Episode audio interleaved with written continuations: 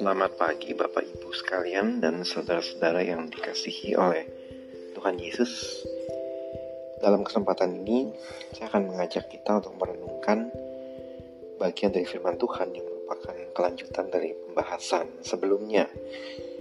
Dalam pembahasan sebelumnya, kita sudah merenungkan penderitaan Tuhan Yesus ya di atas kayu salib, di mana Tuhan bukan saja disiksa secara fisik, tapi juga dihina dan dijadikan sebagai bahan lelucon yang kejam oleh manusia. Maka dalam tulisan kali ini saya akan mengajak kita melihat apa reaksi Tuhan kita terhadap segala kesakitan yang dialaminya. Apakah Tuhan Yesus kemudian memaki-maki orang yang melakukan kekejaman padanya? Apakah Tuhan Yesus mengancam para penyiksanya begitu? Ataukah Tuhan Yesus diam saja karena penderitaan yang begitu dalam dan sangat menyakitkan? Kita kan kadang kalau menderita terlalu berat gitu ya kita mungkin nggak kepingin bicara apa-apa gitu. Kita diam aja. Apa seperti itu? Ternyata Alkitab menyaksikan ya kepada kita bahwa Tuhan Yesus tidak memaki-maki. Tuhan Yesus juga tidak berdiam diri seribu bahasa karena terlalu pedih terlalu lelah terlalu kecewa sebaliknya dari mulut Tuhan kita keluar suatu perkataan yang begitu agung yang begitu penting yang bunyinya adalah ya Bapak ampunilah mereka. Ya, itu tercatat dalam Lukas 23 ayat 34. Ini adalah ucapan yang sungguh-sungguh menakjubkan ya, bukan saja karena isinya berupa suatu permohonan pengampunan bagi orang lain, melainkan juga karena perkataan semacam ini keluar dari mulut orang yang sedang menderita sangat hebat. Ya kalau keadaan diri kita lagi baik, kita lagi mujur, ya tentu gampang ya bagi kita untuk mengampuni orang lain ya. Tapi kalau keadaan kita lagi tersiksa, apalagi orang yang menyiksa kita juga ada di depan kita gitu ya, maka aduh, jangankan mengampuni mungkin ya. Ngomong sama mereka pun kita mungkin segan gitu. Kita nggak mau, kita sakit hati, kita marah dan seterusnya. Penderitaan memang cenderung ya membuat kita ini berpusat pada diri sendiri. Jadi self-centered ya, mengasihani diri sendiri, berpusat pada diri sendiri sehingga kita nggak punya kekuatan gitu untuk mikirin orang lain lah, bicara sama orang lain gitu ya. Bahkan kadang orang dalam keadaan menderita ya, mungkin berbicara sama Tuhan pun segen gitu. Tapi di sini kita melihat ya perkataan Tuhan Yesus. Kali uh, apa ya perkataan yang pertama dia berkata begini, ya Bapa, ya kita lihat ya. Kenapa? Ini apa arti pentingnya Tuhan Yesus berkata ya Bapa ya. Begini. Ketika penderitaan datang menimpa, tidak sedikit orang tuh yang akhirnya justru menghujat Allah ya. Meninggalkan Allah, tidak mau datang kepadanya.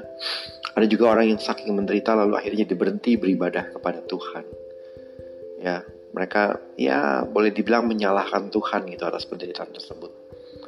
Jadi tidak sedikit orang yang akhirnya jadi ateis karena masuk ke dalam penderitaan atau sekedar melihat penderitaan pun orang bisa jadi ateis ya. Sebagai contoh adalah Charles Templeton ya, yang tadinya adalah seorang yang rajin dalam memberitakan Injil, tapi akhirnya karena dia bingung gitu, dia melihat ada penderitaan begitu banyak di dunia ini, tapi akhirnya dia juga tidak mengerti gitu, mengapa ada Tuhan yang baik, tapi justru terjadi penderitaan begitu banyak. Dan karena dia tidak tahu bagaimana mem membicarakan hal ini atau memikirkan hal ini, akhirnya dia memutuskan untuk menjadi ateis.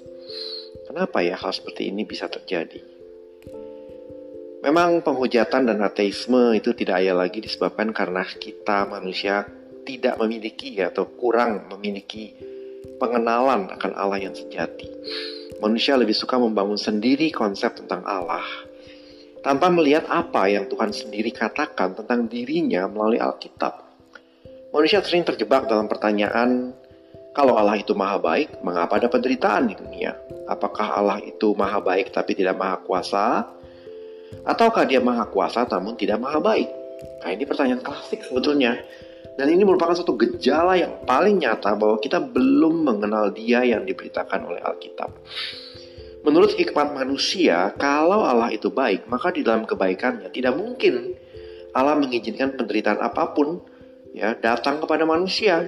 Manusia kan ciptaan yang istimewa, lebih mulia dari ciptaan yang lain, sehingga mestinya Allah akan melakukan apa pun dong untuk melindungi manusia. Ya, secara sepintas memang kata-kata seperti ini kayak ada benernya gitu ya, kayak nggak ada salahnya gitu. Tapi ini sungguh merupakan hikmat manusia semata-mata. Sehingga sekalipun manis terdengar, ya terasa masuk akal, tapi bukan itu yang diajarkan oleh Alkitab, bukan. Menurut hikmat Allah, Allah itu baik, pasti. Namun di dalam kebaikannya, nah ini yang orang mungkin kurang memahami ya, di dalam kebaikannya Allah dapat mengizinkan penderitaan datang menimpa manusia.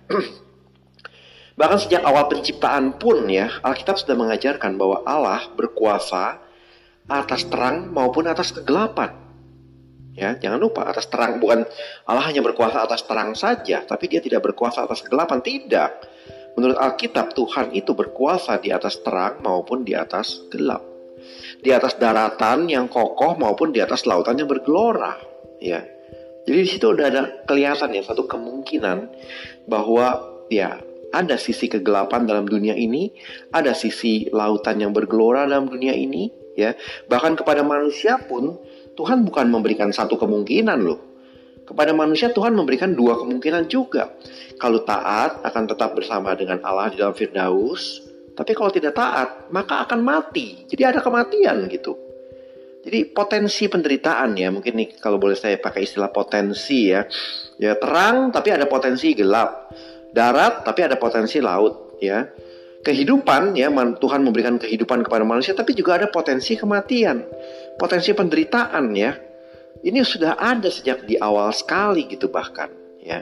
Jadi manusia bukan saja diberikan satu firdaus tapi juga diberikan kemungkinan untuk diusir manusia bukan hanya diberi kehidupan tapi juga diberi kemungkinan untuk mati dan untuk kesemuanya itu manusia bukan tidak diperingatkan tapi ya, itulah kita tahu bahwa akhirnya manusia tetap memilih apa? Melanggar ketetapan Tuhan. Jadi oleh karena itu, kalau sekarang di dunia ada penderitaan, maka patutkah manusia merasa heran atau bahkan mempersalahkan Allah? Allah kan sudah memperingatkan, memang ada potensi untuk hidup, ada potensi untuk mati. Ya, kalau taat hidup, tidak taat mati. Tapi manusia akan memilih untuk tidak taat dan akhirnya ya mereka mendapatkan kematian, penderitaan. Nah kita tahu ya ada contoh lain ya kita kitab Ayub misalnya ya itu juga contoh lain yang mengajarkan bahwa Allah dapat mengizinkan kesulitan dan penderitaan datang menghampiri manusia. Memang dalam kitab Ayub kita baca ada iblis di sana ya, ada ada sosok iblis, tapi jangan lupa bahwa bahkan iblis pun tidak bisa bertindak apa-apa kalau bukan Tuhan sendiri yang memberikan izin. Ya, orang Kristen kadang berpikir bahwa segala yang baik datang dari Allah, tapi segala yang buruk datang dari iblis. Seolah-olah iblis itu semacam apa ya, lawan tanding yang sepadan dengan Tuhan gitu ya. Tuhan kasih kebaikan, iblis kasih kejahatan, lalu terus berperang. Nah, pikiran semacam ini sebenarnya dimiliki oleh istri Ayub, ya, istri Ayub yang punya pikiran seperti itu. Tapi kemudian kan kata-kata itu sudah dikoreksi oleh Ayub, ya. Ayub kan berkata, Engkau berbicara seperti perempuan gila. Apakah kita mau menerima yang baik dari Allah, tapi tidak mau menerima yang buruk? Itu tercatat dalam Ayub 2 ayat 10. Apa arti perkataan Ayub yang dapat kita pelajari di sini? Dari perkataan Ayub kita belajar ya bahwa sebagai orang Kristen kita harus dapat menerima keputusan Tuhan. Entahkah itu membawa dampak baik bagi kita ataukah membawa dampak yang sangat tidak menyenangkan bagi kita. Dan bahwa segala sesuatu yang terjadi di atas dunia ini, entah kelihatannya baik, entah kelihatannya buruk, semua itu tidak mungkin terjadi di luar kedaulatan Tuhan. Entah orang Kasdim, entah orang Mesir, kayak orang apa, iblis sekalipun, itu nggak mungkin bisa berbuat apa pun tanpa seizin dan sepenentuan dari Tuhan. Apakah cara berpikir seperti Ayub ini punya atau merupakan satu kesalahan? Ternyata tidak. Kenapa? Karena Alkitab sendiri memberikan penilaian terhadap kata-kata Ayub, yaitu begini penilaiannya. Dalam kesemuanya itu Ayub tidak berbuat dosa dengan bibirnya. Dengan kata lain, ya Alkitab memberi konfirmasi bahwa apa yang dikatakan Ayub adalah kebenaran. Ya, kita orang Kristen lah yang sering mengecuhkan prinsip ini karena kayaknya kurang enak didengar gitu ya, kurang sesuai dengan logika kayaknya, terlalu keras sehingga ah nggak populer gitu. Tapi ini ajaran Alkitab loh. Ya. Jika demikian lalu apakah yang Alkitab ingin sampaikan kepada kita melalui kenyataan bahwa Allah dapat mengizinkan penderitaan datang kepada manusia? Alkitab mengajarkan pada kita bahwa di dalam penderitaan kita justru harus datang dan berurusan dengan Allah, bukan dengan orang lain, bukan dengan iblis, bahkan bukan dengan penderitaan itu sendiri. Penderitaan yang kita alami itu harus membawa kita berhadapan langsung dengan pribadi Tuhan. Ayub melakukan hal itu, dan kini sang anak Allah yang menderita di atas kayu salib juga melakukannya. Sekarang apa yang kita lakukan kalau penderitaan datang menghampiri hidup kita? Marah sama orang lain, marah sama Tuhan, menyalahkan keadaan, cari-cari penjelasan. Nah, Alkitab mengajarkan bahwa hal pertama yang harus kita lakukan adalah apa? Datang menemui Tuhan secara pribadi dan berseru, "Ya Bapa."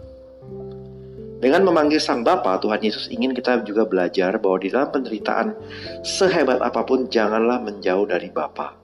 Melainkan teruslah datang padanya, ya, karena Tuhan Yesus juga sadar betul bahwa penderitaan ini adalah kehendak Bapa baginya, bukan sesuatu yang terjadi karena kebetulan, bukan terjadi karena suatu apa ya nasib sial yang tak terduga dan sebagainya, bukan, tapi ini semua ada dalam kedaulatan Tuhan, ada dalam kehendak Bapaknya. Kiranya Tuhan menolong kita untuk berani senantiasa datang kepadanya dalam situasi apa pun. Mari kita berdoa. Bapa dalam surga, terima kasih untuk firman yang kami boleh baca, kami boleh renungkan. Kiranya firman ini, prinsip-prinsip yang diajarkan oleh firman ini, dapat menjadi satu bekal bagi kami dalam semakin mengenal Tuhan dan juga dalam kami semakin dapat menyikapi setiap penderitaan dalam dunia ini. Baik penderitaan yang dialami oleh orang lain maupun penderitaan yang kami alami sendiri. Biarlah dalam situasi apa pun, dalam penderitaan kami juga boleh berani untuk datang kepada Tuhan dan kami boleh berinteraksi dengan Tuhan, memohon belas kasihan Tuhan dan bukan menyalahkan orang lain, bukan uh, mencari-cari kesalahan atau bahkan bukan marah kepada Tuhan. Tolong kami yang lemah ini ya Bapak, dalam nama Tuhan Yesus kami berdoa. Amin.